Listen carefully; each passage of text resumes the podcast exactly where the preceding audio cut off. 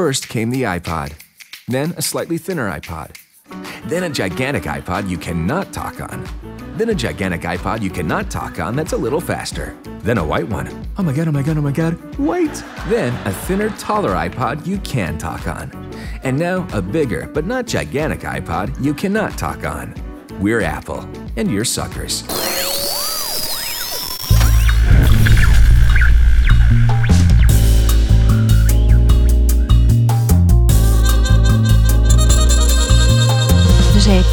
Opgenomen woensdag 18 november 2015. Welkom allemaal bij de Zeepcast, aflevering 6. Al jouw bron voor al je science, technology en, eh, en popculture nieuws. Dit keer eh, wel echt twee wekelijks. Ja, we hebben het gewoon gehaald. Ja, nou, naast mij zit eh, wederom David. Hey David, Hey Sander. alles goed? Ja, gaat wel goed. Ja? Met jou? Ja, ja, ja, ook wel, ook wel. Mooi. Hey, ehm, een nieuwe iPad. Gaan we gelijk beginnen? Bam, to the Oh, point. nou ja, Nieuwe iPad. wa- Waar we Vertel. het dan over hebben. Ik weet niet, wat heb je gedaan de afgelopen twee weken? Ik, eh, ja, ik heb mijn Niks. baard laten groeien Ja. en eh, ja, Ik heb mijn haar laten groeien. ja, dat een beetje. Dat- Nee, maar- Ja, nieuwe iPad. Niet zo interessant. Nieuwe iPad, wel interessant. Heb je, ja, je hebt hem gezien, hè? Ik heb hem gezien, ja. Ook Ja. in het echt. Ja, ook meegespeeld. Ja, ik ook. Ja, joh. Eerste gedachte die door je hoofd ging op het moment dat je hem vast had. Hij, eh, hij is... Het is gewoon een hele, hele, hele grote iPod. Ja. Nee, want dat was ook het eerst toen, toen de allereerste iPad werd aangekondigd. Eh, wat is het, vijf jaar geleden? Ja, 2010, vijf Ja. jaar geleden. Toen, het eerste wat ik dacht was, dit is gewoon een hele grote iPod. En die gedachte is gewoon niet veranderd. Eigenlijk niet. Nou eh, want eh, kon je, dat, kon je die periode nog herinneren toen, eh, toen de geruchten echt heel groot waren dat Apple met een tablet zou aankomen? Ja, ja, ja, dat weet ik nog wel. Wat ja. dacht je toen? OS X met touchscreen. Eigenlijk wel, ja. Dat, eh, maar goed, dan, dan, dan, dan spring jij volgens mij gelijk naar eh, het pijnpuntje. Of pijnpunt. De- Nee, het is geen pijnpunt. ja, maar nee, het is maar- gewoon interessant. Inderdaad, want jij wilt zo even gaan hebben over iOS en hoe dat draait op een iPad. En of dit met recht een iPad Pro mag heten. Of is die echt Mm, Maar ja, z- zullen we het daar zo meteen over hebben? Zullen we eerst gewoon even, even, even rust? Even erover hebben wat we er nou van ben, ik vinden. ben hartstikke rustig. Jij, bent zo, jij bent altijd rustig. Ik ben de rust zelf. Ja, nee, maar ik... ehm, leuk dat je ook vraagt wat ik ervan vond. Ja, Het, boeit me echt niet wat jij ervan vindt. Ja, eh, nee, ik- ik- wat, wat vind jij van... Oké, oké, even. iPad Pro, nieuw aangekondigd. ja, Zoals we de vorige podcast hebben gezegd... alles wat Apple nieuw uitbrengt willen we hebben. Ja. Nou, ik had, is always better. Wat Ik- vind jij van de nieuwe iPad? nou, ik had bij deze... Ik had wel echt mijn hopes up, zeg maar. Ik dacht echt van, dit is echt heel tof. Mhm. Want, En nou ja, de reden daarvoor was ehm, gewoon met die stylus. Dat vond ik, vond, ja, heel die tekenkap, die tekendingen zeg maar, vond ik heel, heel vet uitgedacht. En, hij, dus hij, eh, we kregen hem te zien en ik vond hem eh, eigenlijk in eerste instantie verdacht normaal, zeg maar. Dus ik had heel veel hoop erop en ik dacht, hij komt maar binnen en je ik had vind hem toch tof. al lang gezien? Via, Ja, via de ja. aankondiging, presentatie. In- wist precies wat het was. In, in mijn hoofd was dat echt de next big thing geworden. En big is die wel geworden. Maar dat was op zich ook het enige wat ik ervan vond toen ik hem zag. Ja. Hij is gigantisch groot. Ja. Het is een grote iPad. Ja, En de pen is nog niet leverbaar. nee. Dat doet wel af aan die iPad, vind ik. Want als je die iPad hebt, dan heb je in ieder geval die pen nodig. Want dat is wat hem zo tof maakt. Dus ik was eigenlijk een beetje... Ja, ik had mijn hopes te high of zo. Ik had een soort Je- je- van je verwachtingen gewekt. waren te hoog. Ja. Maar dat vind ik dan toch grappig. Want wat verwachtte je dan? Want je hebt, oké, je hebt het filmpje gezien. Je weet wat het doet. Je weet hoe het eruit ziet. Ja. En dan zie je hem fysiek. Welke verwachting? Nou, het, het, Want het klinkt alsof je teleurgesteld bent. nou ja, op, op zich niet teleurgesteld. Zeker niet. Maar het is wel... Ik had verwacht... of Je, je ziet eigenlijk in alle demo's... zag je met die pen of met toetsenbord... en was het echt een heel ander ding dan een iPad. Niet door het besturingssysteem, maar door hoe die gebruikt werd. Mhm. Toen zag ik hem voor het eerst. En toen was het eigenlijk gewoon een grote iPad. Wat Dezelfde, is. dezelfde apps die je al kent, maar dan nog groter. Ja. Dat is wat je zegt. En ik denk, als ik hem voor het eerst gezien had met de pen... of met het toetsenbord, dat het dan voor mij een heel ander apparaat was. Mm, ja, oké.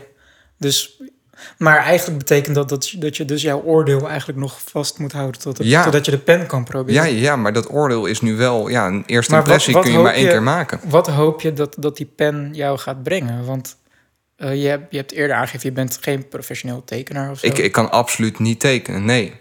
Maar ik ben wel techniek-enthousiast Ja. persoon, zeg maar. En die pen, dat was echt... Nou, heel benieuwd naar de latency daarop. Dus hoe reageert die? En Er zijn al wat, wat filmpjes van opgedoken. Hè? Dat ze dus in slow motion eh, het eh, pen van een andere fabrikant Ja. vergelijken met de, met de pen van Apple. En er zit zeker een latency in, maar hij is wel trager. ja, en die, die latency is dus ook app bepaald, hè? Ja, schijnbaar kan je dus een, een app niet optimaal schrijven, waardoor de latency groter wordt. Ja. Ik dacht eigenlijk dat het gewoon op hardware niveau was geregeld. Want eh, Apple zegt dat de, de iPad eh, zoveel keer om de zoveel milliseconden kijkt of, of, je, of het met een vinger wordt aangeraakt of met de pen. Op het moment dat hij de- met de pen wordt aangeraakt, dan verdubbelt de, ja, de, de refresh rate. Ja. Dus de, hoe vaak hij, hij scant voor input. Dat verdubbelt, waardoor het dus soepeler en met minder latency eh, lijnen, of gebaren registreert. Maar goed, dus om er even op terug te komen. Ik had, wat volgens mij deze iPad Pro zo anders maakt in het gebruik... zijn die toebehoren, dus de pen en het toetsenbord. En ik snap er dan ook niet zo... ik- Natuurlijk snap ik het wel, maar ik vind het wel jammer... hoe dat nu gaat in Nederland. Dat eigenlijk geen van beide leefbaar is. En wat ik nog veel kwalijker vind... Ja, maar het is niet alleen in Nederland hoor. Eh, de pen was overal niet te krijgen Ja. in het begin. Dat, nou, je- die moet sowieso voor de holiday season natuurlijk in de winkels liggen. Maar wat ik echt apart vind, is dat dat toetsenbord dus niet eens in de Nederlandse eh, store terugkomt. Als je naar apple.com gaat, dan kun je dat, of, eh, .nl, dan zie je dat toetsenbord, dat komt nergens terug. Ja, er, er komt een Logitech toetsenbord terug. Maar niet dat app. Nee. Het is een, het is een hele rare launch. Daar snap ik. Het was ook gewoon de timing van... eh, Apple heeft van het begin af aan gezegd... van hij komt ergens in november. Ja, En het was echt drie dagen van tevoren... oh ja, hij komt 11 november. dus Oké. dat, ja, ik, ik, Ja. ik snap dat niet zo goed. Ja. En ik vind dat ook wel jammer vanuit Apple dat dat Ja, apart van elkaar gereleased wordt. ja. Ja, het is heel, dat is heel raar inderdaad. Ja, ik weet niet... eh, qua reviews is al heel veel over geschreven. Ja, al heel la- even laat hem over gezegd. inderdaad niet Maar- gaan reviewen. Nee, nee, ja, dat kunnen we ook niet. Want daarvoor moeten we hem gewoon langer gebruiken. Maar wat, wat ik interessant vind aan de iPad Pro... Ja. wat mij nu op, nog meer opvalt... en wat eigenlijk al een tijdje voor mijn gevoel al een beetje speelt... is, eh, eh, kijk, Apple die maakt hardware, die maakt de machine... als het ware het fysieke deel... en die ontwerpt software ervoor. Ehm, het begint met mij persoonlijk steeds meer op te vallen dat, dat de hardware-divisie van Apple grootse plannen heeft. Hebben, grootse plannen hebben. Ze, Ja. ze maken minimalistische eh, eh, eh, designs, heel veel techniek ingebakken, een duidelijke visie van portable, elegantie, multifunction, multifuncties. Ehm, en voor mijn gevoel weet de software-divisie niet zo goed welke kansen op moeten. Ja, je bedoelt gewoon dat er nu zoveel kracht in zo'n iPad komt en de software divisie ja, kan dat niet na- benutten. naast kracht, maar ook techniek. Wat jij ook inderdaad zei over die pen, hoe dat werkt. Dat die allemaal. eh, eh, er zitten allerlei sensoren in, wat die allemaal kan meten. Eh, Apple is met de iPhone met Force Touch bezig. Het, het, qua hardware gaat het heel hard. Elk Ja. jaar kun, kun je nog, noemen ze nog meer spectaculaire cijfers. Ehm, en wat ik zeg, ook gewoon hoe het eruit ziet. Gewoon echt een mega dunne glasplaat waar gewoon een volwaardige computer Ja, in zit verwerkt. Kijk, eh, het wordt, voor ons is het heel snel normaal geworden. Weet je, maar gaat tien jaar terug in de tijd. ja, De, die ontwikkeling is keihard gegaan. Maar ik heb het gevoel dat qua software dat het niet. Het, het, het wordt nu steeds meer duidelijker dat, dat, dat, het, dat, dat Apple zelf zoekende is of zo, wat ze nu moeten doen. Want daarom haalde ik ook dat voorbeeld eh, naar voren van eh, toen de allereerste iPad uitkwam. Toen ging ik toen helemaal fantaseren van oh, hoe gaat die interface eruit zien, hoe gaat die homescreen eruit zien. En eh, toen presenteerde Steve Jobs de iPad. En dat was gewoon letterlijk de iPhone, maar dan groter. Ja. De interface, de homescreen met, met al die icoontjes. En dat vond ik aan de ene kant een ontzettende domper. Zo van, oh, nou, het is niet nieuw, het is alleen groter. Op een gegeven moment ga je dat gebruiken en dan kom je erachter dat omdat het scherm groter is, 10 inch, dat uh, uh, de ervaring gewoon heel anders is. Je gaat gewoon sneller boeken lezen, uh, websites, artikelen lezen op een iPad. Het kon allemaal op een iPhone, maar op een iPad doe je het gewoon sneller. ontwikkelaars die konden de 10-inch scherm konden gebruiken om, om apps wat complexer te maken twee kolommen bijvoorbeeld in beeld brengen. Ja, dat gaat op een iPhone gewoon veel lastiger. En daardoor had ik toch zoiets van, nou ja, Apple heeft de juiste keuze gedaan om eigenlijk het OS niet te veranderen op de iPad, maar het alleen maar groter te maken. Daardoor weet iedereen hoe het werkt, Mhm. maar de ervaring is toch anders omdat het scherm groter is geworden. Nu is er een nog groter scherm gekomen. En nu begin ik zelf een beetje te twijfelen of dat nu nog steeds opgaat. Van dat, uh, want wat nu Apple weer heeft gedaan, is in principe het iOS niet veranderen, maar nog een stukje groter gemaakt. Ja, daar ben ik wel met de je eens. afstand in de homescreen, de afstand tussen de icoontjes zijn wat groter geworden.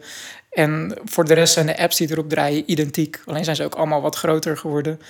Uh, Ja, wat dat er gaat, het enige dat toevoegt... is dat je nu twee apps naast elkaar kunt draaien. En dan Ja. is het net alsof je twee iPad Airs naast elkaar hebt. Maar functionaliteit gewijs is er niet zoveel... of ja, eigenlijk niks veranderd in iOS.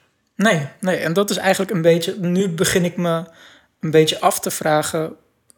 wat dan de toekomst is van iOS. Is er, Ja. is er een visie? Want uh, uh, Tim Cook van Apple die heeft al gezegd van... Nou ja, ik verwacht dat steeds meer mensen een iPad Pro gaan kopen... in plaats van een laptop. En uh, ja, ik, ik, ik vraag het me af, want... Ja, nee, het is wel grappig. Want je, nou, van oudsher zijn natuurlijk... Computers zijn altijd de creatieapparaten... Mhm. en eh, iPads zijn de eh, consumeerapparaten. voor erbij eigenlijk. Nou ja, dus, dus je consumeert media vanaf een iPad. Je kijkt websites, je leest je mail, je leest boeken. Dus je neemt informatie op. Mhm. En op het moment dat je gaat creëren... dan ga je achter een computer zitten. En die lijn die begint steeds meer te vervagen. Eh, Helemaal als je nu die iPad Pro en die MacBook naast elkaar legt. Dat is misschien een langshot hier, maar dan zie je wel van ja, het is misschien dezelfde visie. Apparaat zonder aansluitingen. Of met één aansluiting. Oh, je hebt het over die 12-inch MacBook. Ja? Ja.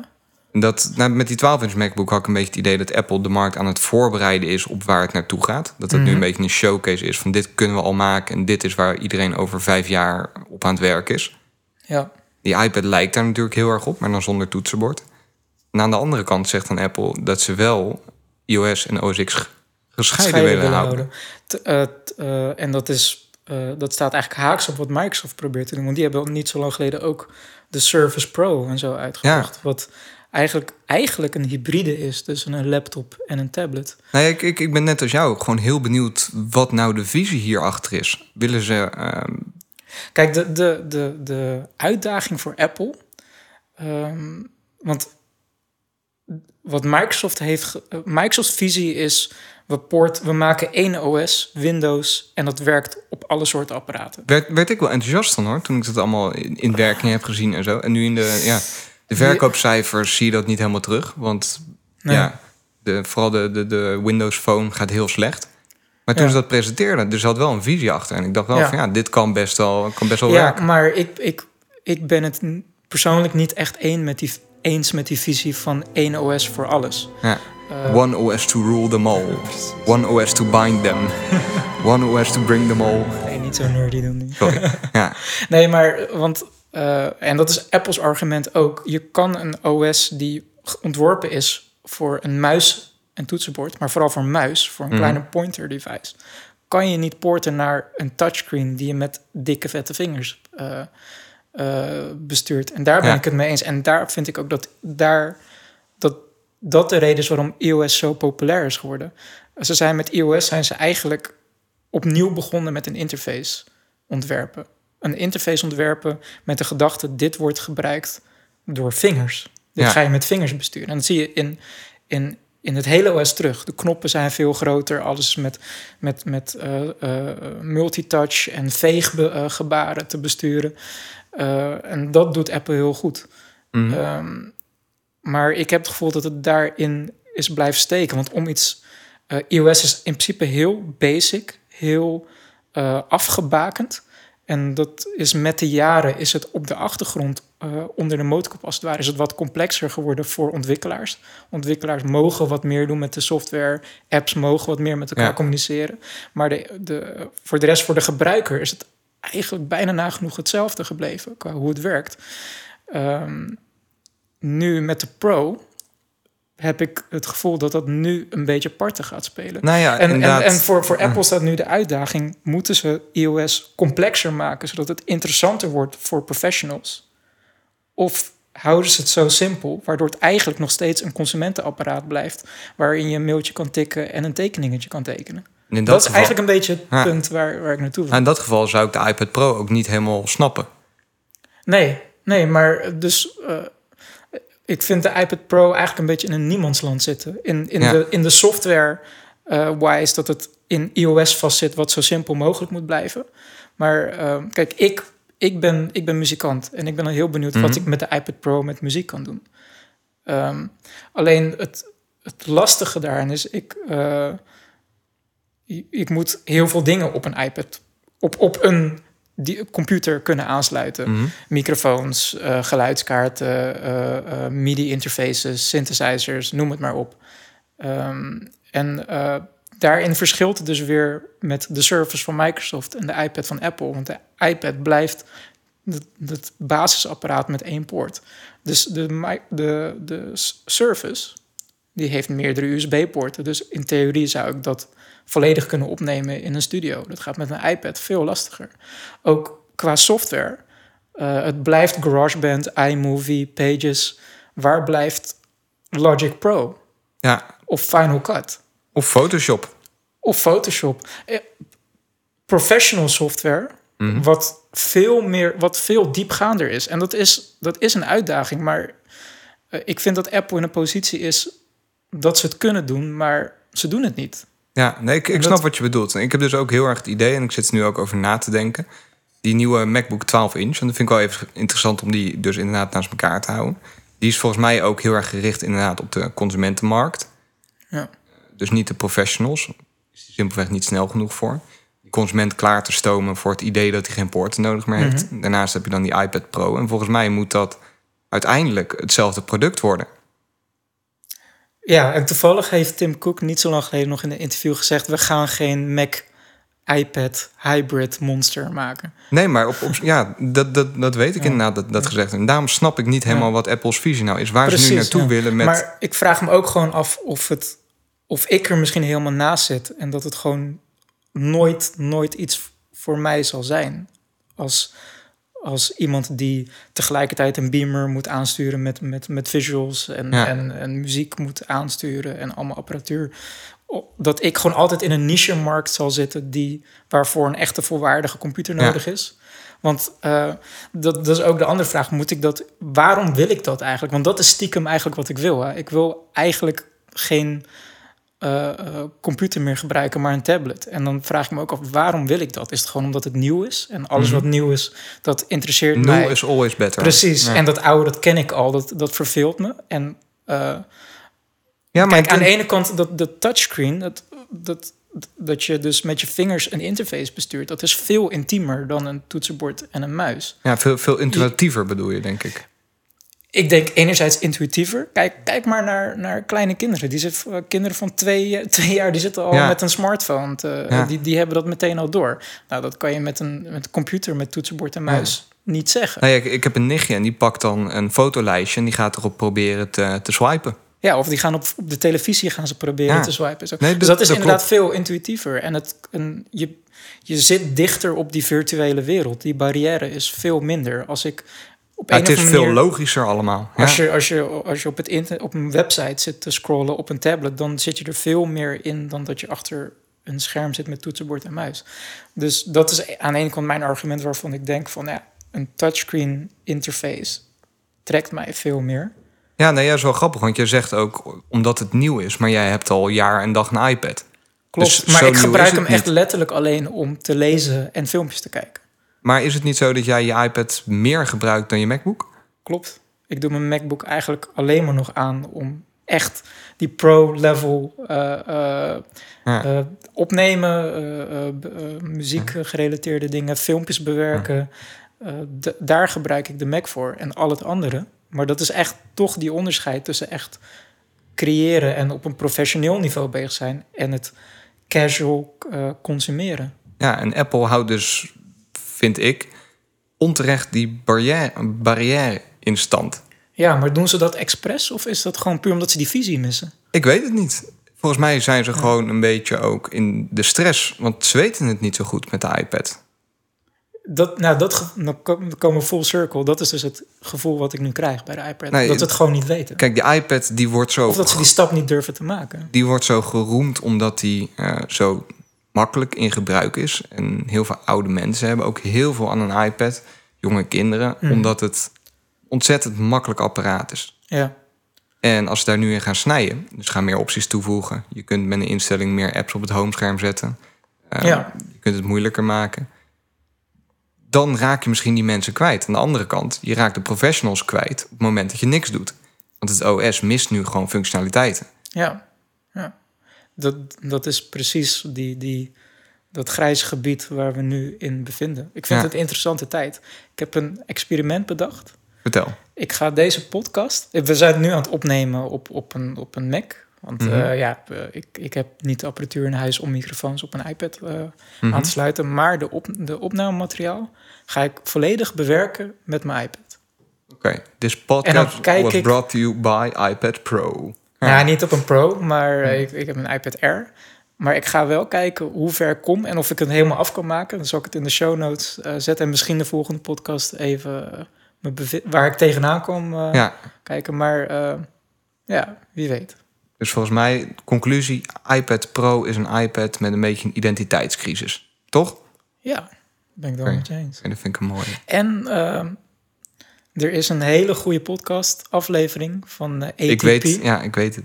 Ik ga die aflevering in de show notes zetten. Daar eh, eh, bespreken drie, techneuten, programmeurs op een nog veel dieper niveau. Waar het nou, wa- wat er nou met de iPad Pro aan de hand is en wat ze ervan vinden. Ja, is super interessant. Ja. leuk om, leuk om te luisteren. Ja. Hey, waar, waar ik het, want we hadden het net al even over, over kinderen en de iPad en dat dat Mhm. zo makkelijk is. En Mooi bruggetje, man. Ja, nou ja, ik vraag me af, eh, moet je kinderen ook wel dingen zo makkelijk maken? Het is af en toe ook goed om ze uit te dagen. En dan kom ik gelijk heel mooi bij het onderwerp dat ik eh, graag met jou wil bespreken. Ik had er namelijk nog nooit van gehoord, maar er bestaat schijnbaar iets. En dat heet Hour of Code. Dus uur van de code. Had jij er wel eens van gehoord? Nee, daar had ik niet van gehoord. Ik heb wel ooit eens van App Camp for Girls gehoord. En dat is volgens mij een beetje het, hetzelfde concept van het, Mhm. het eh, eh, in educatievorm het enthousiasmeren van kinderen voor programmeren. Dat is het inderdaad. Hour of Code. Ik kwam het tegen op het eh, World Wide Web. En dat is schijnbaar ontzettend groot. Dan kijk je hun promotiefilmpjes en dan zie je dat zelfs Obama daar aan meedoet. En het wordt gesponsord door... Nou, als Obama meedoet, dan... eh, Dan, dan ben je binnen. Ja, je nee, binnen. het wordt gesponsord door eh, Microsoft, door Google, door Apple, door nou, eigenlijk alle grote namen in de tech-industrie.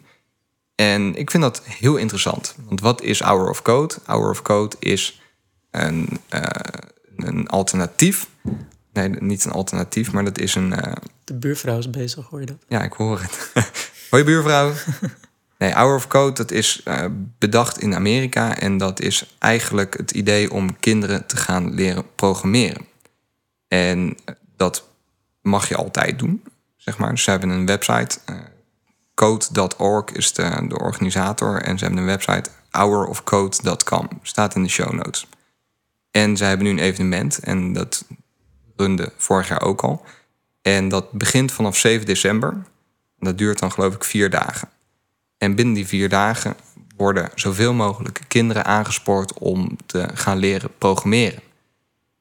Dat- Nice. En, en hoe, hoe oud zijn die kinderen? Nou ja, dat, dat klinkt super heftig. En het klinkt nog veel heftiger als ik je zeg dat zijn echt kinderen vanaf eh, vier jaar, zeg maar. Wauw. De, zelfs kinderen die nog niet kunnen lezen, die worden hiervoor aan, eh, aangespoord. Wauw. Ehm, wat het idee erachter volgens mij is, of wat het idee erachter is, Programmeren is eigenlijk puur logica. Ja, En programmeren is ook een heel universele taal. En, het is- denken, in systemen eigenlijk. en programmeren is een skill waar je buiten programmeren ook een hele hoop aan hebt. Want het leert je oplossend denken. Ik, ik wou het net zeggen, het leert je denken. ja. systematisch denken. Ehm, er zit een hoop ja, wiskundige, niet, analytische dingen zitten erin. En het is iets wat, omdat het zo logisch is, zelfs met die iPad, kinderen heel makkelijk oppakken.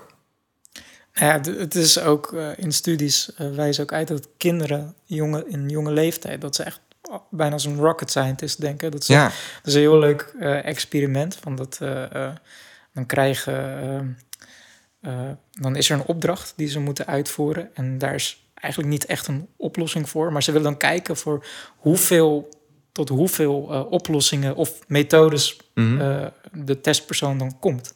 En dan blijkt dat jonge kinderen, die, die bedenken veel meer methodes dan een volwassen iemand. Dus die, die, die, op, die denken gewoon, oké, maar ik kan het misschien zo proberen, ik kan het misschien zo proberen, ik Ja. kan het misschien zo proberen. die hebben veel meer een open mind. Ja, precies dat. En nou wil ik niet oproepen tot eh, Noord-Koreaanse taferelen of ja, maar ik ben er wel enorm voorstander van om zo vroeg mogelijk kinderen in ieder geval in aanraking te brengen met basisprogrammeren. Ja, eens. Omdat ik denk dat ons educatiesysteem daar absoluut nog niet op ingericht is. Op de nieuwe wereld, zeg maar. Zo mooi te zeggen. Hoe oud was jij toen je voor het eerst met, in, in schoolverband eh, in aanraking kwam met computers? M- Met computers of met programmeren? Ehm, Ja, het hangt natuurlijk ja. een beetje samen. hè? Dat is een goede vraag. Ik denk dat ik een jaar of... De computers was ik denk een jaar of... Wat zou het zijn? Twaalf of zo? Op school, ja. Hoe, ja hoe- hoe, lang, hoe lang geleden is het eerste Harry Potter boek uitgekomen? Pff, daar vraag je me wat, geen idee. Ja, nee, want ik Nee, weet nog... nee, dat is, al, dat is nog veel langer geleden. Nee, want ik heb ooit... eh, mijn eerste aanraking met programmeren was toen ik een... eh, een fanpage van een Harry Potter website ging bouwen in HTML. Oh, wauw. Echt super basically... Ja. eh, What you see is what you get, Ja. maar wel programmeren. Ja, nou, technically is HTML niet programmeren, maar dat is, dat zijn, ehm, dat is markup. Ja, ja oké. maar- Maar dat Maar ik snap wat je bedoelt. mag ja. onder dezelfde noemer, vind ja, ik. eh. ja, ja. Dat, dat, dat was mijn eerste aanraking. Maar goed, terug naar Hour of Code. Want dat is dus een, eh, hebben ze bedacht vanaf 7 december. En dan reiken ze je eigenlijk alle tools aan daarvoor. En ze roepen iedereen op van... ga nou eens met een stel kinderen... ga jij die Hour of Code leiden. Wij hebben hier een aantal trainingen voor je. En dat zijn er best een hoop. Een hele leuke, kom ik zo op terug. Ga nou eens met ze zitten en ga eens even daarmee spelen. Zelfs als je geen computers of iets tot je beschik- beschikking hebt... dan zijn er uitschrijfopdrachten. En nou, ze, ze hebben tal van opdrachten die, je dan, die een uurtje duren... en die je met ze kunt doen. En dan zie je dus ook, want ze hebben allemaal promotiefilmpjes en zo... En dan zie je echt al die CEO's van, van Google, van nou, you name it, die zie je langskomen en die vertellen er wat over. En ten eerste, het eerste wat mij opviel was dat ik er nog nooit van gehoord had. Nou kan het zijn dat ik onder een steen leef en dat iedereen die Maar is het luistert... misschien niet ook gewoon een initiatief wat echt op dit moment gewoon gefocust is op, op Amerika? En Dat, dat we daar in Europa gewoon, We- weet je hoeveel kinderen er mee hebben gedaan eh, tot nu toe? hoeveel? Doe zo'n gok. Nou, laat maar, ik zeg het gewoon. 10.000. Ik ben heel slecht daarin. Geen- 10.000? Ik heb, ik heb gewoon geen context. Kijk, het kunnen er 10.000 zijn, het kunnen er ook 10 miljoen zijn. Doe eens nog veel meer dan 10 miljoen? 60 miljoen, Nog meer? 600 miljoen, 150 miljoen. 150 miljoen. Maar, zijn, maar in hoeveel landen? Wereldwijd. Je kan dus overal kan je dat Oh, opzetten. Oké. Ah, dus het is eigenlijk een soort, soort, soort curriculum die jij als... Het, het is gewoon een. Ze hebben dit bedacht. Ze reiken je de handvatten aan om mee te Ja. doen. En wat ik zeg, dus het is gesponsord door Apple, door Google, et cetera. Dus iedereen die zegt: ik ga zo'n hour of code doen met wat leerlingen, krijgt ook gratis een, eh, een giftcard voor Amazon of voor eh, Apple of, nou, ik geloof ook voor, voor de, de Play Store van Google van 10 euro om waardering te tonen dat ze meedoen. En ik denk dat dat gesponsord is. Maar dit is dus gigantisch. Ja. Obama die in filmpjes verschijnt met alle. En ik heb er nog nooit van gehoord. Ik vind dat wel bizar. Shame on you. Shame. Ik had er ook nog niet van gehoord. Nee, daarom. Dus Eh. dit is schijnbaar best wel een ding. En ik kende het niet. Maar ik ben me erin gaan verdiepen. En het is echt echt oprecht, ik word Dus, heel warm dus van. als je basisschoolleraar bent, dan kan je naar die website, kan je alle benodigde materiaal downloaden. Nou, niet eens downloaden, maar je gaat naar die website en er zijn daar gewoon... Ze hebben dus een aantal projecten. Je kunt zelf kijken wat je leuk vindt. En dat zijn allemaal cursussen van een uur. En dan heb je bijvoorbeeld een cursus met... Hoe heet ze? Elsa en die andere van eh, Disney Van film. Frozen. Van Frozen. en dan kun je met kinderen kun je daarmee basis programmeren leren. Je gaat met ze zitten. Klassikaal of nou, noem wat op. En je krijgt een soort eh, pagina te zien met links daarop een klein veld. En dat is ja, je executor. Dus daar draait je programma als het ware. Ze zien een veld waarin Elsa staat. En die kan schaatsen. En die kan figuurtjes schaatsen, zeg maar. Sowieso. Ja, dat is best wel een dingetje. Ja. Ja. En eh, daaronder staan je, eh, je commands, een execute knop. Dus kun je op drukken of, of play of speel af in het Nederlands. En dan doet hij wat jij hebt opgegeven. En rechts heb je een programmeervenster. En dan kun je blokjes inschuiven met van... ga 10 pixels naar links. Met daaronder Ah. om een soort flowchart te maken. Dus, ja, precies. Dus we hoeven ni- niks te typen of zo. Nee, is- nee, dus je maakt zo'n flowchart, maar dat de achtergrond draait wel die code. En er staat ook een knop naast, show code.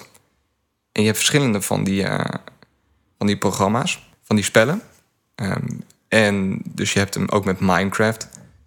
Je hebt ook een Star Wars met BB-8. Die kan Kijk, daar word ik warm van. Ja. Nog minder dan een maand, hè? Ja, We hebben onze kaartjes al. Maar ga verder. ja. Nee, maar goed, dus je hebt daar best wel wat, wat, wat content voor en best wel wat training. En dit waren de eerste die ik kon vinden. Maar er zijn er dus een hele hoop.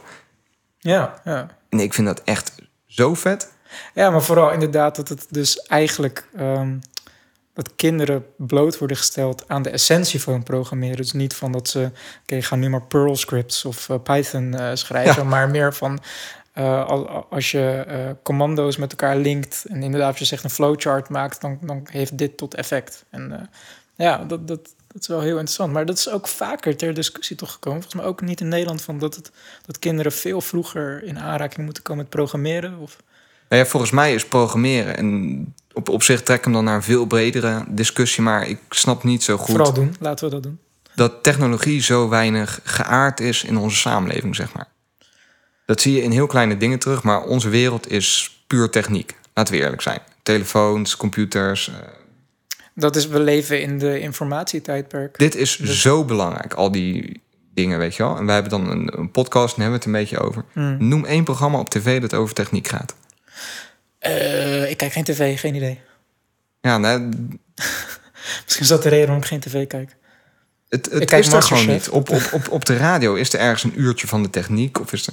En ik snap dat niet zo goed. Het is zo belangrijk. Wetgevingsniveau. Onze, onze techniekwetten zijn ancient. Ja, maar dat, dat is, ik denk dat het al heel lang speelt. Ook voor techniek, dat, dat wetten en ook generaties gewoon, dat het, dat het altijd eh, eh, de, de, de zeitgeist als het ware van wat de Mhm. huidige, de, de nieuwe generatie waar die naartoe wil, die, die moet zich bewegen in een wereld die, die door voorgaande generaties eigenlijk al is afgebakend. Als gevormd, ja. Ja. En daarom snap ik niet zo goed dat techniek eigenlijk qua... ehm, ja, hoe zeg je dat? Qua exposure of qua dat we het erover hebben... Mhm. dat komt heel weinig terug.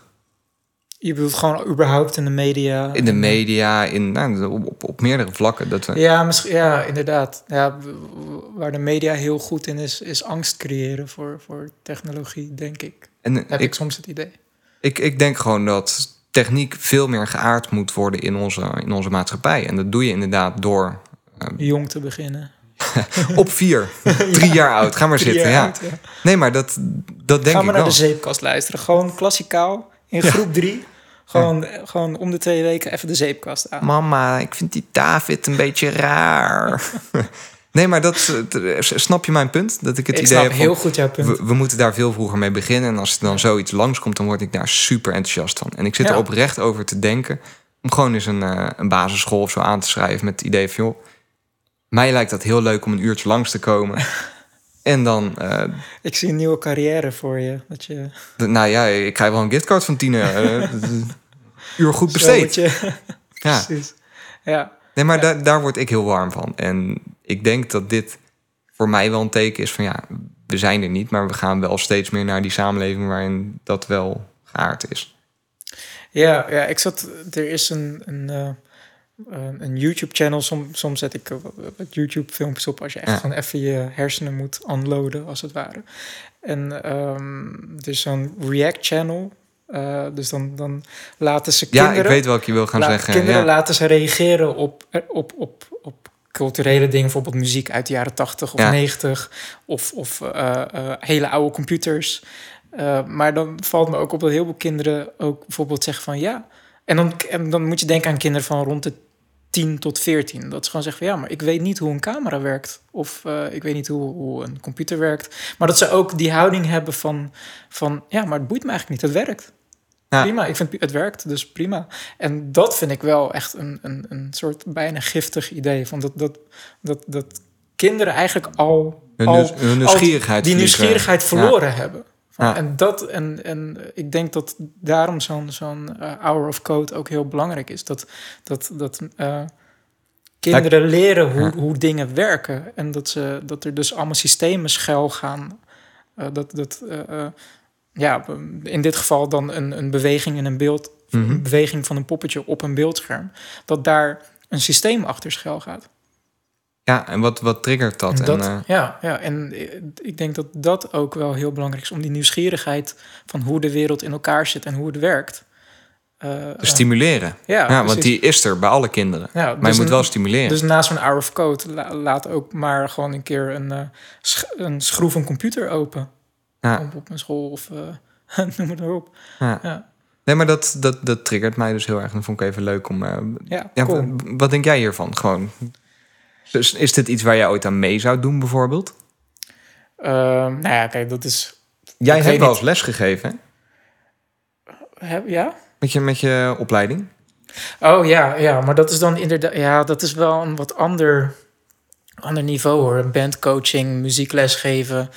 Eh, ik heb ooit een keer een, een, een muziekworkshop gegeven op een, op een eh, VMBO. Mhm. Oh, dat was echt, eh, dat, ik weet niet wat voor mij, misschien was het toevallig die groep, maar dat was zo'n ADHD groep. Waar, dat is zo moeilijk om, om, om ja, kinderen van 10, 11, die, die eigenlijk alleen maar met computerspelletjes... 10, eh, 11 zit je nog niet op VMBO, toch? Nee. jawel, ja. Nee, 13 ben je klaar met de basisschool. 13 ik, zit ik je in was, de eerste. Ik was 11 toen ik naar de middelbare school ging. Maar ik ben ook wel een vroege leerling. Maar... Whiskid. Ja. Ja. nee, dat heeft niet mee te maken. Ik, ik, maar- was, ik was 22. ja, je, bent, Ja. je hebt nu net je... Ja. Nee, maar ja, ik, ik vind sowieso ehm, lesgeven, Mhm. doseren, vind Mhm. ik wel... Dat is een hele belangrijke skill. Ik ben nog niet over uit of ik dat per se heb. Ik vind het wel heel leuk om over dingen te praten en dingen uit te leggen. Daarom hebben we deze podcast. Ja. Doseren, ja, moeilijk. Ja, nee, dit is Eh, niet... het- Ja, wat, wat ik het leukste eraan vind, is als ik iemand iets kan bijbrengen en die er ook echt enthousiast over is. Ja. Ja, ja, maar dat, dat, En ik denk dat je dat in deze doelgroep heel erg hebt. ja zeker. Ja, dat, dat, daarmee is echt al een groot gedeelte van de strijd gewonnen, denk ik. Als je, als je Ja. gewoon heel enthousiast bent over een onderwerp. En dat- dat wordt ook eh, eh, vaak door, door eh, mensen die bijvoorbeeld wetenschap proberen te populariseren, wordt dat ook meegegeven aan docenten van maak natuurkunde lessen en scheikunde lessen. Breng de enthousiasme over. Dit is Ja. geen saaie stof. Dit is hartstikke spannend en cool wat er allemaal... Ja. Ja, dat is wel leuk, want dan hebben we gelijk de, de essentie van de zeepkast ook te pakken. Ja, eigenlijk wel, ja. Dat, dat is, als, als ik het in één zin zou moeten omschrijven, de zeepkast is het enthousiasmeren van mensen voor science, technology en popculture. Ja, ja, precies. Cool. Ja, wat ik trou- trouwens wel, en dat wil ik nog even kwijt, wat ik een beetje stumperig vind van die website, Hour of Code. Dus ik net lopen vertellen hoe groot dat initiatief is en wereldwijd, 150 miljoen kinderen. Dan ga je naar de website en dat is netjes een Nederlandse website. Maar hij is ook Engels. Oh ja, dat is... Ja. eh, Dus dan ga je naar die website en heb je daar eh, de eerste alinea of de eerste twee knoppen die je ziet. Eh, dus een meld je aan, probeer het, een uur code voor elke student, bla bla bla. Overigens zijn er 139 miljoen, niet 150. Is en in de buurt. de alinea daaronder. The Hour of Code is a global movement, movement reaching tens of millions of students. Nou, bla bla. Dus het wordt gewoon Engels en Nederlands door elkaar gebruikt. de knop daaronder meldt Ja. uw evenement aan. En denk van, nou, alleen de knoppen zijn in het Nederlands. Nee, dan heb je weer een stukje tekst. Ook in het of in het Engels weer. eh, heel de FHQ, dus de, de veelgestelde vragen. Oh, zo heet die wel in het Nederlands ook, veelgestelde vragen. En dus de eerste vraag is Nederlands. Wat is het uurcode? Dan gaan ze vertellen. volgende vraag, eh, die is wel in het Nederlands gesteld. Ja, daarmee laat Wanneer dat, is het uurcode? En dan is het antwoord in het Engels. dat laat alleen maar gewoon zien dat het, dat het capaciteit er nog niet is Ja. om het echt daadwerkelijk wereldwijd uit te rollen. Ja, ja maar dat vind ik... dan- Ja, je, je wilt gaan leren het, programmeren. wie En- weet is het op vrijwilligersbasis eh, vertaald, die site. Dat Ja. weet jij veel. Nou goed, dat- genoeg. Dat Moet jij, kijken. moet je eigenlijk de, de organisatie eh, eh, Dat- dat schrijven me- van ik wil jullie helpen? Dit, dit viel me op. Maar ik ben heel erg fan van dit soort... ja, ehm, hoe zeg je dat? Nou, no- non-commercial eh, initiatieven. Ja, ja cool. Dus Ja, ik, cool. eh, Ja, check de site. En eh, als je toevallig docent bent, wie weet is het wel interessant om erin te duiken. Ja, dus we houden het in de gaten. En ik zal volgende podcast ook... Of nee, ja, vol, nee, dat gaan we niet redden. Het is 7 december. dus de podcast daarna, dan zal ik even vertellen of ik het daadwerkelijk gedaan heb. en wat mijn bevindingen waren. Of ik helemaal uit de klas huilend ben weggerend. Of dat het eh, dat hartstikke leuk was. Dus ik, Cool. eh, ik hou jullie op de hoogte. Oké. Dat, eh, dat wou ik even kwijt erover. Ik denk dat we een, eer- dit, dit een goede eerste deel was. Ja, ik denk ook wel dat we nu even een... eh oh, meer in de mic praten. Ik denk dat we nu even een pauze moeten inlassen.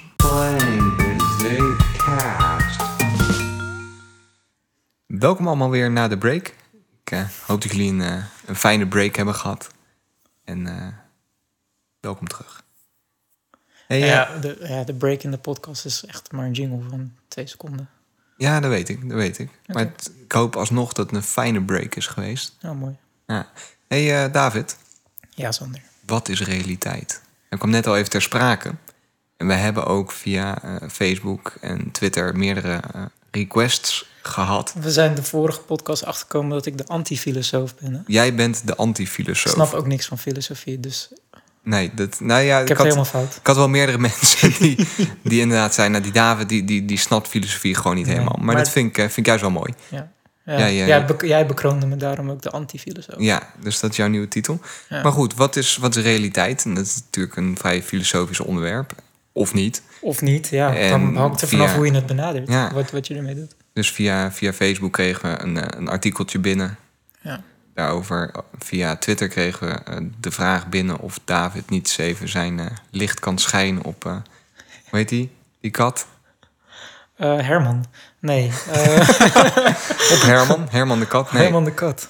nee, Nee. op uh, Schrödinger, maar zo heet die kat niet. Schrödinger's cat. Ja, nee, Ja. maar dat is een, eh, een, een paradox. Eh, ja. Ja, ja, zo wordt hij ook al Ja, het, het is een paradox. Ja hoor. Nou ja, ik, ik heb de het- het Wikipedia-pagina Het gelezen. is geen paradox. Het voelt aan als een paradox. Ja. Maar het is een... Maar jij, eh, jij hebt daar het een en ander over te zeggen. En toen zei je heel snel van... ah, dat past mooi in mijn, eh, mijn stukje wat ik wou gaan vertellen... over hoe eigenlijk science af en toe wordt gekaapt... om verkeerde dingen er doorheen te krijgen. Of zeg ik dat nu heel vaag? Nee, nou ja, het kwam inderdaad. We hadden een artikel gekregen via, via Facebook over ehm, ehm, ja, dat, dat realiteit eh, een illusie is of zo. Of eh, dat, dat, dat de realiteit wordt gecreëerd op het moment dat we er naar kijken. Ja, dus waarnemen creëert realiteit. Dat is eigenlijk de Ja. strekking van het artikel. En daarin zaten een aantal onderbouwingen daarvoor. Ja, pogingen tot onderbouwing. Nou, eh, ik ging dat artikel lezen en, en dat stond op een site van de Mind Unleashed, Expanded. Gewoon de, de titel van de site alleen. The Mind Unleashed, ja, wauw, goed onthouden. Ja. Uncover your true potential. Nou, dan word ik al best wel achterdochtig. Ja. Want Je- eh, je, je mag losgaan nu, David. ja, ja, ik moet me echt inhouden. Ook, ja. Nee, want...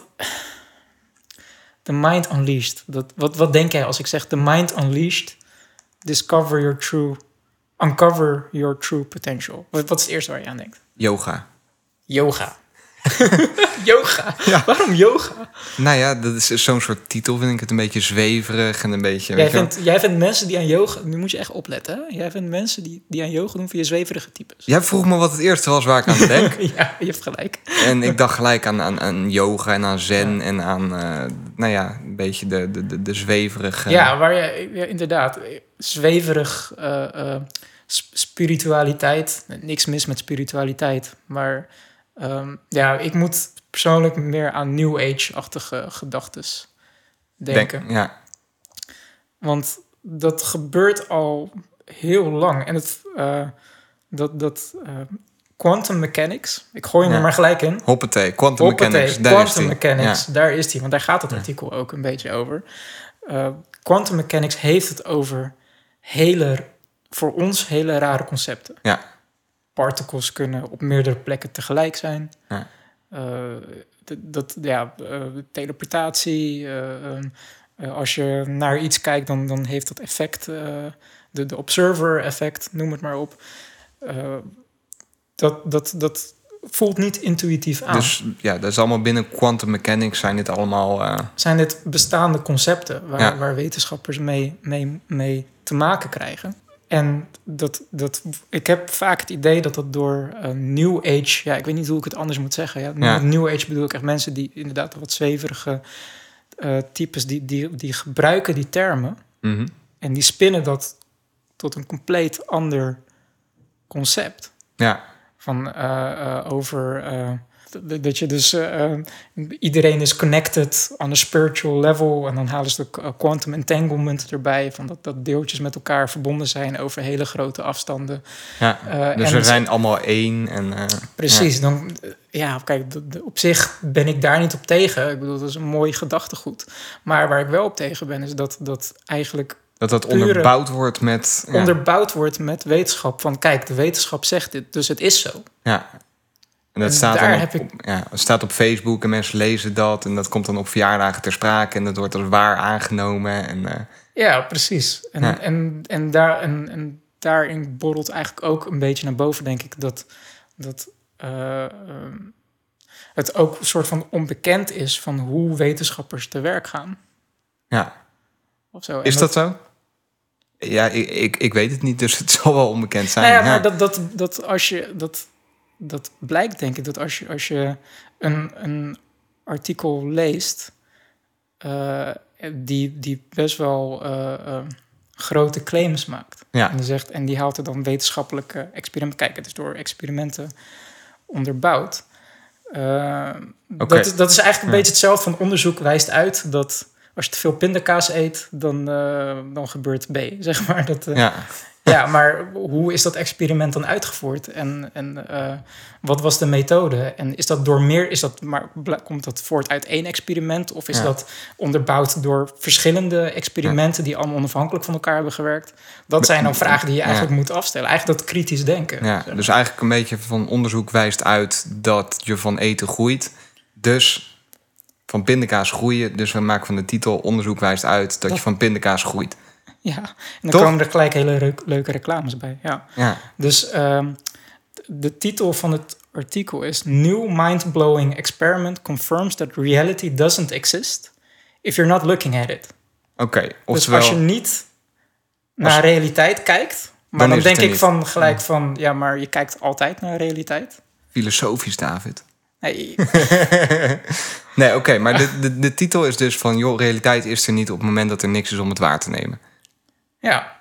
ja dus precies. als er niks is, niemand op heel de wereld kijkt naar de maan... dan is die er even niet. dan is de maan er niet. Ja, Want, en het is grappig dat je het aanhaalt, want dat had ik ook eerder toen tegen jou gezegd. Ehm, daarom haal ik het ook aan. Ja. nee, maar waar ik bijvoorbeeld ook meteen aan moest denken was Deepak Chopra. ik weet niet, zeg jou Chopra. dat wat, die naam Deepak Chopra? Nee, ik denk weer yoga. Ja, dat komt ook weer natuurlijk. Nee. dat is, dat is de, de, nee. Eh, Deepak Chopra, die, die heeft echt miljoenen vergaard door boeken te schrijven. Puur, Ja. En eigenlijk puur door eh, eh, wetenschappelijke termen Ja, om te vormen naar, naar spi- spiritualistische New Age-achtig denken. oké. En die heeft echt een behoorlijk, behoorlijke following. Uh, maar er zijn op YouTube zijn er echt super toffe filmpjes te vinden... waarin die discussie gaat met wetenschappers die echt... In, ja, niet altijd mensen die echt per se in dat veld zitten... maar wel die dat, de, de wetenschappelijke methode en kritisch denken beheersen. Ja, En dan zie je... Dan worden gelijk gaten in zijn... In zijn uh, theorie geschoten. eh, Ja. ja. ja, And, uh, and I can also say something right now is that I agree that, you know, science is about a very specific methodology. But for people like Michael, not you so much, but people like Michael, to take all of inner experience, all of the rich inner experience, and try to codify it in a graph with data is absurd. As opposed to what? Just calling it fuzzy words? How does that help us understand That's such it? an out, No, no. Michael. That's And- such an out. and one- Say- and one technical... use the words fuzzy. All right. Use the words woo woo, and you're out okay, of I'll the give, argument. I'll give you a technical. I'll give you a technical explanation. When you talk about when you talk about the observer effect and the uncertainty principle, this is uh, how subatomic particles are altered by looking at them, by bombarding them with light, for example, because they're so small. And so you look at it or you don't look at it, and that changes the nature of what you're looking at. But the moon is really there whether you look at it or not. It doesn't apply to the macro world. In the absence of a conscious entity, the moon remains a radically ambiguous and ceaselessly flowing quantum soup. Deepak, that is That, Oké. Eh, that- want Deepak Chopra noemt dan ook inderdaad van... ja, als, als je niet naar de maan kijkt, dan bestaat de maan niet. Dan is het een quantum goop, noemt hij het zelf. En eh, ja, dat, dat is gewoon niet te onderbouwen. Ehm, kijk, je, je kan, je Ja. kan vanuit filosofisch denken... kan je misschien zeggen van... ja, als, als er een boom valt en niemand is er om het te horen... maakt de boom dan geluid. Dat is een, een, een leuk gedachte-experiment. Ja. Uh, maar de termen die deze mensen uh, naar boven halen... Hanteren. Uh, hanteren, quantum mechanics, uh, de, de double slit experiment...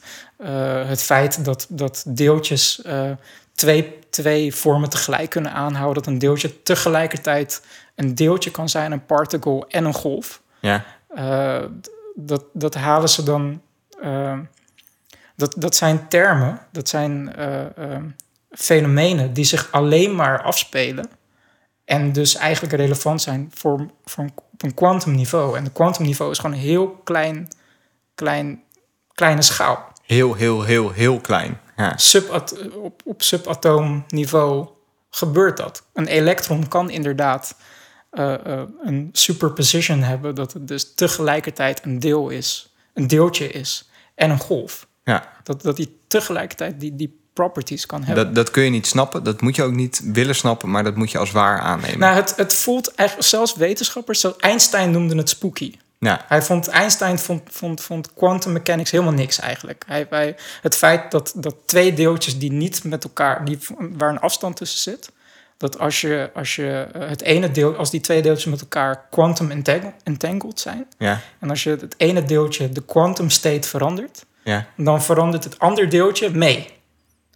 Einstein die, die zegt dat is spooky, dat, dat nee. Ja. Schrödinger, die dat gedachte-experiment uh, Schrödinger's cat heeft bedacht, ja. die, uh, uh, die probeerde dus dat voorbeeld aan te halen van die kat, om aan te geven hoe raar quantum mechanics is. Het voorbeeld van die kat. Leg, leg hem eerst even uit, want dan, anders dan is het wat. Ja. Schrödinger's cat is mm -hmm. een gedachte-experiment. Ja.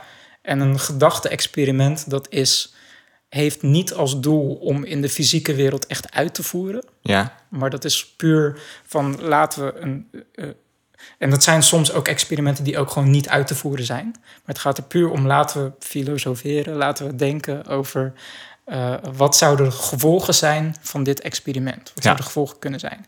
En Schrödinger heeft dus een, een hele uh, beroemde experiment bedacht over, stel je hebt een kat. Ja. En die, die sluit je op in een hermetisch afgesloten doos. Samen met een, ja, een soort apparaatje die na, na een uur, de na een uur tijd, uh, 50% kans heeft om een, om een dodelijke dosis uh, uh, radioactiviteit af, af te geven. Ja. Dus de kat opgesloten in een doos met dat apparaatje. Na een uur is er dus eigenlijk 50% kans dat de kat dood is gegaan door, door die radioactiviteit. Mhm. Of het apparaat is niet afgegaan. En, dat en heeft, de kat leeft ja, nog. En dat heeft dan weer te maken met vervallen van deeltjes, geloof ik. Hè? Precies. Ja. Ja. kijk, ik ga er niet helemaal op in. Nee. Want hij, hij, hij legt dan ook uit... Hij heeft dan ook zo'n apparaat bedacht... die dus exactly 50-50 kans heeft... Om, dat, uh, uh, om die lading, die isotoop vrij te laten. En dat gaat inderdaad met verval van deeltjes. Maar het gaat er eigenlijk even om apparaatje... die, die, die kan binnen een uur tijd de kat laten sterven 50-50. Ja. Ja. of nee? Dus truly random. Helemaal geen, Ja. geen kans erin. Het is echt random. Het is echt 50-50. Na een uur is de, leeft de kat, ja of nee? Ja. Quantum mechanics zegt, zegt dan dat na een uur niet uh, dat de kat, ja, of hij leeft of hij is dood. De kat die heeft die twee uitkomsten, die twee oplossingen, be- bezit die tegelijkertijd. Ja. Dus hij is voor 50% leeft de kat en voor 50% is hij dood. Ja, mm, half levend en half dood. het is een soort, een soort waas van, van, van kans. Ja. Dus het, het, het- en dat noemt, wordt dan superposition genoemd. Dat het dus, dus eigenlijk twee, te- eh, twee oplossingen tegelijk heeft. Op het moment dat je de doos openmaakt, wordt meteen voor de, voor de waarnemer wordt één van die twee mogelijkheden zichtbaar. Ja. Je ziet dan geen waas meer, maar je ziet dan of een dode kat of een levende kat. Maar zolang je de doos nog niet hebt opengemaakt, heeft hij al de, bezit hij allebei de, de, de properties van die Ja. twee st- stadia. En dat is, dat is in essentie wat er. Dat, dat is Schrödinger's cat. Dat Ja. is een gedachte-experiment. En dat is een gedachte-experiment. Want, want een, een kat kan geen superposition hebben, want daar is de kat te groot voor. Ja. Maar verklein je de kat tot, het, tot, het, eh, eh, tot een schaal van een elektron, Ja. dan kan het wel. Ze hebben een shrink ray nodig. Ja, precies. Oké, nee. en, de- en daar gaat het dus meteen mis eigenlijk. Dat eh, mensen zoals Deepak Chopra eh, ehm, quantum, quantummechanica eigenschappen Mhm. betrekken tot de macroschaal. Tot het niveau van een echte kat. Ja. Of een echte mens. Dus of de macro maan. is gewoon groter. Ja. Ja. Tot, zeg maar, op ons niveau komt dat niet voor. Is ook niet mogelijk. Nee, want dat, er, is een soort, er is een soort grens Ja. dat qua schaal, hè, dat als je, als je die, eh, als je jezelf verkleint, dan kom je in een quantum, kom je in een wereld waar onze eh ogenschijnlijke natuurwetten anders werken, op een quantumniveau werken. En dan werken dingen op een andere manier. Ja, dus het, het experiment Schrödinger's cat is eigenlijk om eh, uit te leggen hoe, Hoe de quantumniveau werkt. hoe het werkt. het, is, het- het is een, en dat is dus cruciaal, het is een gedachte-experiment. ja, om, om het behapbaar te maken Ja. voor ons. Ja. En eh Schrödinger zelf die vond het zo raar dat hij eigenlijk daarna een beetje gestopt is met eh kwantummechanica en zijn biologie gaan doen. Dus hij over biologie gaan schrijven. Want hij, hij had het ook wel. Hij dacht van ja, ik ga me hier niet meer be- mee bezighouden. Dat is te raar. En het is ook op zich, vanuit een evolutionair niveau, is het ook logisch dat wij dat raar vinden. Want wij leven altijd op deze schaal. Wij En leven altijd in macro-werelden eigenlijk. wij, wij leven op een niveau waar wij onze voorouders hebben, die zien dat niet Nee. die zien niet dat een elektron tegelijkertijd een golf en een particle kan zijn. Eh, of, dat, of dat deeltjes eh, vanaf een grote afstand eh, informatie, schijnbaar informatie met elkaar kunnen delen. Dat, dat, dat, dat, dat zien wij niet. Dus dat is gewoon nooit in onze hersenen eh, opgenomen. Mhm. En daarom klinkt het ook gewoon heel raar allemaal wat er gebeurt. En het is gewoon moeilijk behapbaar. En eh, dan krijgen dus mensen zoals Deepak Chopra... die dat dus eh, op, op zo'n manier opschrijven... dat het toch heel logisch klinkt en heel spiritueel. Maar de, de, de, de informatie die, waar ze het op bouwen... is totaal niet relevant over waar ze het over hebben. Die twee werelden kan je niet met elkaar koppelen. Oké. En dat, ja, dat is eigenlijk een beetje En dat- waar ik me ook best wel ja. aan kan ergeren. En het is Ik, wou, ik wou net zeggen, in dat artikel komt dat ook weer terug. hè? nou, dat artikel dat haalt zich eh, eh, zelf al meteen in de, in de eerste alinea onderuit. Van, dan hebben ze dus over dat, dat eh, de realiteit is een soort illusie die alleen bestaat wanneer je er naar kijkt. En dat wordt onderbouwd door verschillende experimenten. En dan wordt er bijvoorbeeld een, een experiment genoemd zoals John Wheeler's Delayed Choice Experiment. Eh, en eh, nou, dan zeggen ze, dit experiment eh, toont aan dat, dat, dat realiteit niet bestaat totdat je het meet. ja, En dan. En dan eigenlijk hebben- Schrö- Schrödinger's cat is ja, dat. Ja. maar dan zijn ze, er, zijn ze wel zo lief om, om, dat, om die experiment eh, eh, te linken naar waar ze het vandaan hebben gehaald. Dan word je geleid tot een Wikipedia-pagina. Ja. En die Wikipedia begint letterlijk met... Wheeler's Delayed Choice Experiment is een gedachte-experiment. Dus, het, ja, dus het is helemaal niet aangetoond. Nou, een, een gedachte-experiment is niet, bestaat niet om, om echte resultaten te, te creëren. Het is puur eh, filosoferen en, en wat als, ja, niet wat als situaties, maar ehm, nou, we hebben het eigenlijk over, al over gehad, Schrödinger's cat. Dat het gewoon een, een voorbeeld is om, om een, een, een soort ja, parable, een, een, eh, Hoe zeg je dat in het Nederlands? Geen idee. Ja, ik, ik, luister op dit moment alleen Een, maar... een, een voorbeeldverhaaltje om, Ja. om, om moeilijke materie, omdat... eh, om, om, om ja. een paradox... eh, En, en, en veel gedachte-experimenten, eh, nou ja, gedachte-experimenten zijn, die zijn er niet om echt uit te voeren. Ja, dus de titel van het, eh, het artikel wordt eigenlijk gelijk onderuit gehaald in de eerste alinea, omdat het, ik geloof dat de titel iets was van dat, dat eh, scientists have, pro, proven Hebben, hebben aangetoond dat realiteit niet bestaat wanneer je er niet naar kijkt. middels een gedachte-experiment. Dat kan niet. Nee, dat kan niet. Nee, Nee. maar ze, ze verwoorden het dus dat het dus door een echt experiment is aangetoond. En Ja. dat klopt niet. Volgens eh, st- staat er ook een YouTube-filmpje eh, eh, in het artikel... ge- eh, wat over de double slit experiment gaat. En de, heb je daar wel eens van gehoord? Nee, leg het uit. Ja, de double slit experiment ehm, is een voorbeeld om te laten zien dat eh, een deeltje dus eh, zich twee, eh, eh, twee vormen tegelijk kan hebben. Een golf en een deeltje. Als Ja. je een, een, eh, een elektron door een spleetje eh, zou afvuren, dan kan je dus meten van hij gaat door het spleetje en hij komt aan de andere kant komt hij op een bepaalde plek terecht. Ja. Ehm, blijf je dat lang genoeg doen door twee spleten. eh, ja, ik, ik ga het niet helemaal uitleggen, maar het komt eigenlijk op neer dat je dus aan de achterkant van de, van de spleten Ja, een patroon ontdekt ja. die eh, ehm, eigenlijk gelijk staat aan golven. Normaal gesproken, als, als, als eh, ehm, elektronen echt puur alleen als deeltjes zouden eh, eh, bestaan.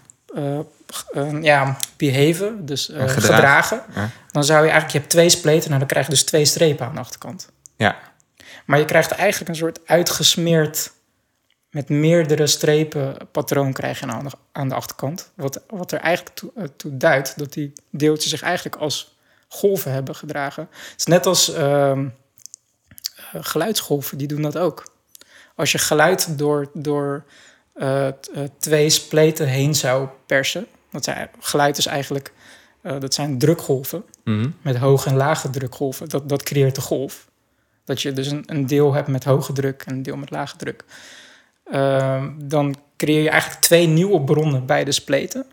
En die gaan dan weer met elkaar, die gaan elkaar in de weg zitten als het ware. Waardoor je een bepaald streeppatroon krijgt aan de achterk- achterkant. Dat doen elektronen ook. En dat is echt gewoon bewijs dat het zich als een golf eh, gedraagt. Ja. Ja. Er zijn weer andere experimenten waar, waarin elektronen weer zich als deeltjes gedragen.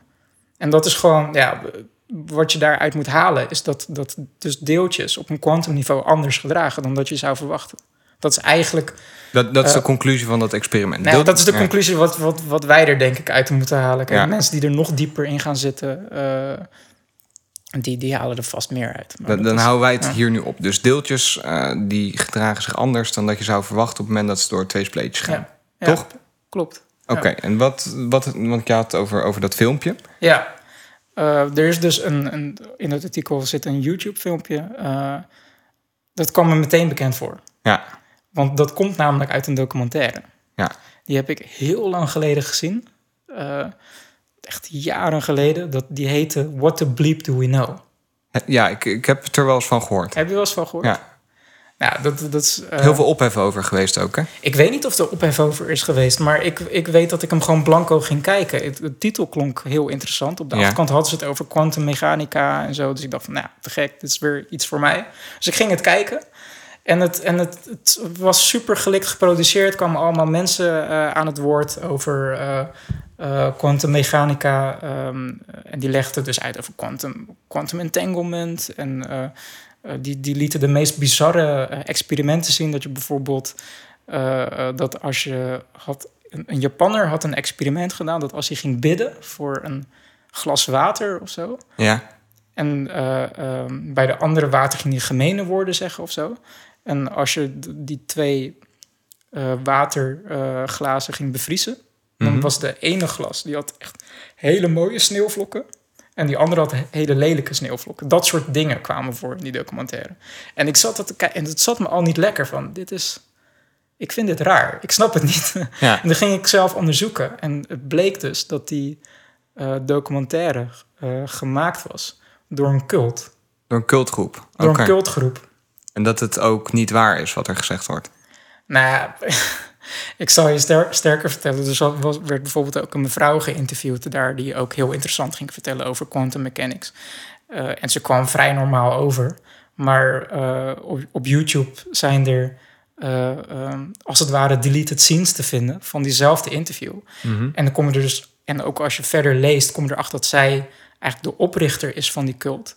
En dat zij gelooft dat zij de, de muse, de oracle is Ja. van, een, van een Atlantische eh, krijger die 10.000 jaar ge- geleden geleefd heeft. Oh, wauw. Ja. En dan zie je haar dus ook in een trance raken en overgenomen worden door die Atlantische krijger.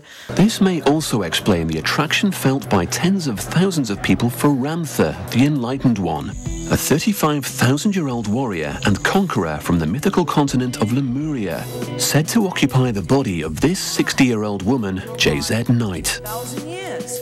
That takes 10,000 years. Nou, dat, dat, dat is geen wetenschap meer, man. Dat, eh, dat, dat, dat is een cult. Dus, eh, maar die, die beelden komen dus ook terug in het artikel. Dus dan denk ik, oeh, dat is, eh, dat, is Dat- niet zo, dat- dat is niet zo best. Nee, oké. Oké, dus jij bent het eh, niet eens met het artikel. Ehm, nee, nee ja, ik, ja, eigenlijk gaat het me niet, niet eens zozeer om dat één artikel, maar het gaat er meer om dat er New Age bewegingen zijn die dus eh kwantummechanica concepten gebruiken voor spirituele doeleinden.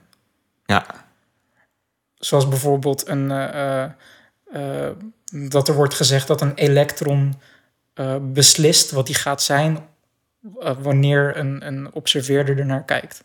Maar dan zegt ze het op een manier alsof een elektron bewustzijn heeft. Ja. Die Deepak Chopra zegt dat ook, want dat, dat cellen bewustzijn hebben. En dan vraagt de wetenschapper, ja, maar we weten niet eens wat bewustzijn eigenlijk is. Wat, wat is consciousness? En dan zegt Deepak Chopra, ja, dat is een superposition of possibilities. dat, dat, dat, dat klinkt, heel mooi. Ja. Maar uiteindelijk zegt hij niks. Kijk, die woorden individueel, die, die- dat kan je wel begrijpen. Maar die woorden samen in één zin, dat, dat, dat zegt niks. A superposition of possibilities. Nee, ja, dat, dat kan je net goed niks zeggen. Ja, Ja, dus... eh, oké. dus dat was even jouw, eh, nou, jouw eh, afgeven op het fenomeen van het kapen van wetenschap voor spirituele doeleinden. Toch? Dat, dat is het eigenlijk wel een beetje. En als je, ja, als je dat soort artikelen tegenkomt, die dat soort extreme claims doet, check altijd de bronnen. En sowieso als er een artikel is die gewoon geen bronnen vermeldt, dan is het al heel tricky. Sketchy. Ja. Ja. ja. Dat, eh, wat denk jij dat realiteit is? Want dat vind ik wel een interessante discussie. Ja, nou ja, dan kom je een beetje in de, ja, de matrix tafereel, hè? Van wat is realiteit? Is dat wat je waarneemt of is dat, eh, is dat niet wat je waarneemt? Ja, wat, is de rood wat ik, het rood wat ik zie, is dat ook wat jij ziet? Ja, nou ja, Dat was toch ook een, eh, een tijd geleden, eh eh, wordt toch gezegd van ja, we leven vol- volgens Moore's Law, dan worden computers steeds Ja. sneller en, en Mhm. kunnen steeds meer berekenen. Op een gegeven moment worden computers zo, zo snel dat, eh, trouwens Moore's Law, dat begint nee, dat gaat, af te het, breken. aantal, dat gaat Maar- over het aantal transistoren op een chip. En Moore heeft Maar, zelf al, zelf laten, aangegeven... laten, laten we zeggen van ja, computers worden, worden steeds beter, die kunnen steeds meer Ja. berekeningen doen. Mhm. Uh, d- dan komt er op een gegeven moment een punt dat, dat een computer snel genoeg is om het universum te simuleren. Oké. Toch? Nou ja, dat... En als we nu een gedachte-experiment gaan doen, Oké, nou, dat- dan, dan neem ik dat maar aan. Dat een computer dat op, een gegeven moment, kan. kan een computer het universum eh, eh, simuleren. Als dat kan, waarom zou het dan niet kunnen dat het al gebeurd is en dat wij dus in een computersimulatie leven? Ja, dat is de matrix, eigenlijk. Ja, nee, niet helemaal. Want de, eh, ja, de Matrix dat gaat meer over de, eh, dat de mensheid eh, als het ware slaven zijn geworden. Ja, en dat daar- ze in een simulatie worden gestopt. Ja. Maar dat wij gewoon in essentie, dat dat allemaal berekend, berekend nu wordt door een computer. En misschien die computer waar we op staan, zit die ook weer in een simulatie van een hogere In een, in samenleving ja. die ook weer een computer heeft ontwikkeld. In, een- in een oneindig aantal eh, simulaties, ja. Misschien zitten wij wel in de Sims. Maar dat is wel grappig wat je daar zegt. Want op het moment dat een computer dat kan simuleren... dan zal die ook simuleren dat er inderdaad planeten zijn... waarop dat ook weer gebeurt, waarop dat gesimuleerd wordt. Ja. En dan krijg je dus een eindeloos aantal simulaties. Turtles all the way down. Hè? Dat is, eh, dat is een hele bekende uitspraak. Van dat, eh, eh, dat, ja, dat, dat, dat recursive, dat, dat, het, dat je in een loop zit. Ja, Dat je dus, volgens mij is dat een, een of andere oude cultuur of zo... die zegt dat de wereld bestaat op de rug van een schildpad. ja. Maar die schildpad zit weer op de rug van een andere schildpad. Maar die zit weer op de rug van een andere schildpad. Turtles all the way down. Ah, grappig. ja. Dat, maar dat, en zo moet je volgens mij omgaan ook met een gedachte-experiment. Dat moet je niet als waarheid aannemen. Nee, maar dat is niet een experiment wat je kan uitvoeren. Maar het is wel... Ja, maar dat, dat, dat is in feite wat er gebeurt. Als wij Ja. nu een, een, een een post schrijven met als titel... ehm, wij zijn, eh, wetenschap heeft aangetoond dat wij slechts een simulatie zijn. Dat is in, in essentie wel wat er gebeurt. Ja, Dan gaan ze dat verwoorden als dat is nu aangetoond. Terwijl het eigenlijk gewoon een gedachte-experiment is. ja. Nee, dan eh, even over naar iets luchtigers hoor. Want mijn, mijn hoofd zit vol. Ja.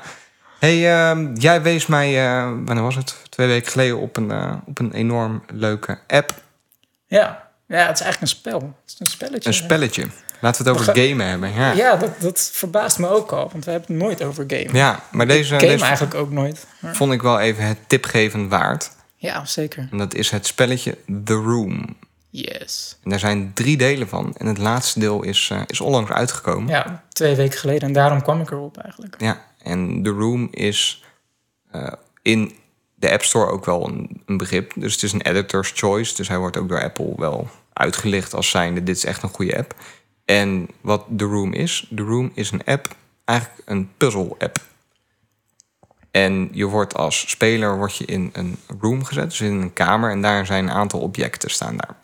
Kan rondkijken in de kamer en je kan inzoomen op objecten. En dat kunnen tafels zijn met op een bouwwerk. Of dat kunnen eh, kasten zijn waar het een en ander in staat. En wat je eigenlijk moet doen, is inzoomen op die objecten en daarin ehm, andere objecten vinden. Door middel van kleine puzzeltjes of eh, bepaalde dingen afleiden. Laadjes die je open kunt maken. Maar die kun je pas openmaken als je eerst een bepaald puzzeltje hebt gedaan. Daar vind je dan weer iets in wat je een bepaald dingetje dat je weer kan gebruiken. Een handvat voor een andere la. Of Het is en eigenlijk net een ui die je de hele tijd pelt. De, Ja. ene, de ene puzzel heeft twee andere puzzels weer tot gevolg. En dan Ja. zo moet je steeds moet je de kern van de puzzel vinden. en Eigenlijk. wa- wat ik heel tof eraan vind, is visueel zit het heel sterk in elkaar. ja. Het zet heel goed de sfeer neer. Het is een beetje, ja, een beetje duistere sfeer zelfs. Ehm, en dat is heel goed gedaan. En de puzzeltjes zelf zijn gewoon erg leuk om te doen. Dus het is een, eh, een appje. Deel 1 is geloof ik een euro. Deel 2 is 2 euro. En deel 3 is 5 euro. ja, dat is ook het nieuwste deel. Dus eh, En eh, nou ja, 5 euro. En jij, bent er, jij gaat sn- vrij snel door dat soort spelletjes heen. Ik heb deel 3 ik, nog ik, niet ik, heb ze, uitgespeeld. ik heb ze alle drie al uitgespeeld. Echt binnen vier dagen. Maar dat is, dat is ook echt net als crack voor mij. Gewoon dat soort spellen. Ja, maar ik, ik, ik zag jouw playtime was iets van 8 uur voor deel 3. Ja, zeven uur. Zeven uur, ja. Nou, dan vind ik 5 euro best wel schappelijk. Zeker. Ja, ik, ik heb er ontzettend aan vermaakt. Het is, wat je zegt, visueel zit het in elkaar, mooi in elkaar. Het, er zit ook een soort verhaallijn in verwerkt. Het heeft ehm, de sfeer, eh, het, de, de, de stijl is eigenlijk een beetje 1800, zoiets. Een be- dan toch een beetje steampunk, een beetje magie, mysterieachtige vibe heeft het. De muziek, het is af en toe ook best wel creepy. Ja, nee, zeker weten. Ja.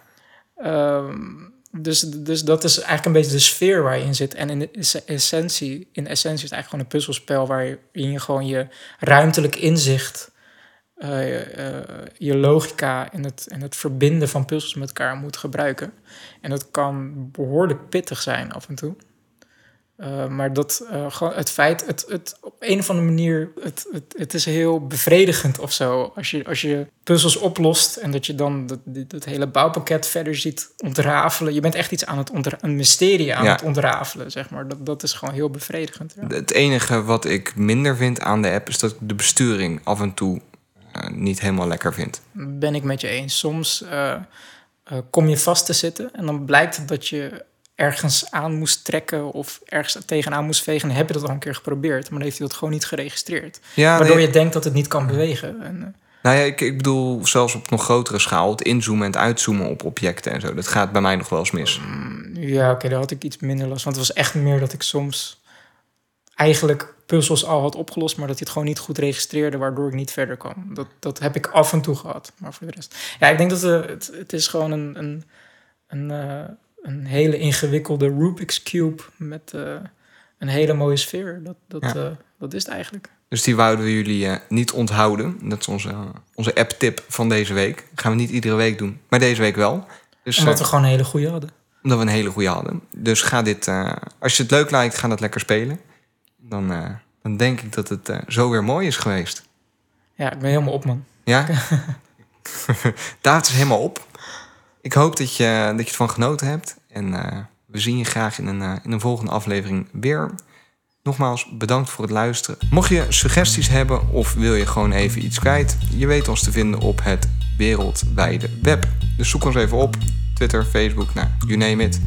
En laat het ons weten. Nogmaals, bedankt voor het luisteren. David bedankt.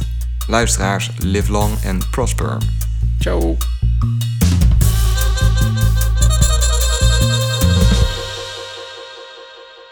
Als je weer met plezier naar de zeepkast geluisterd hebt, kun je ons op een aantal manieren ondersteunen.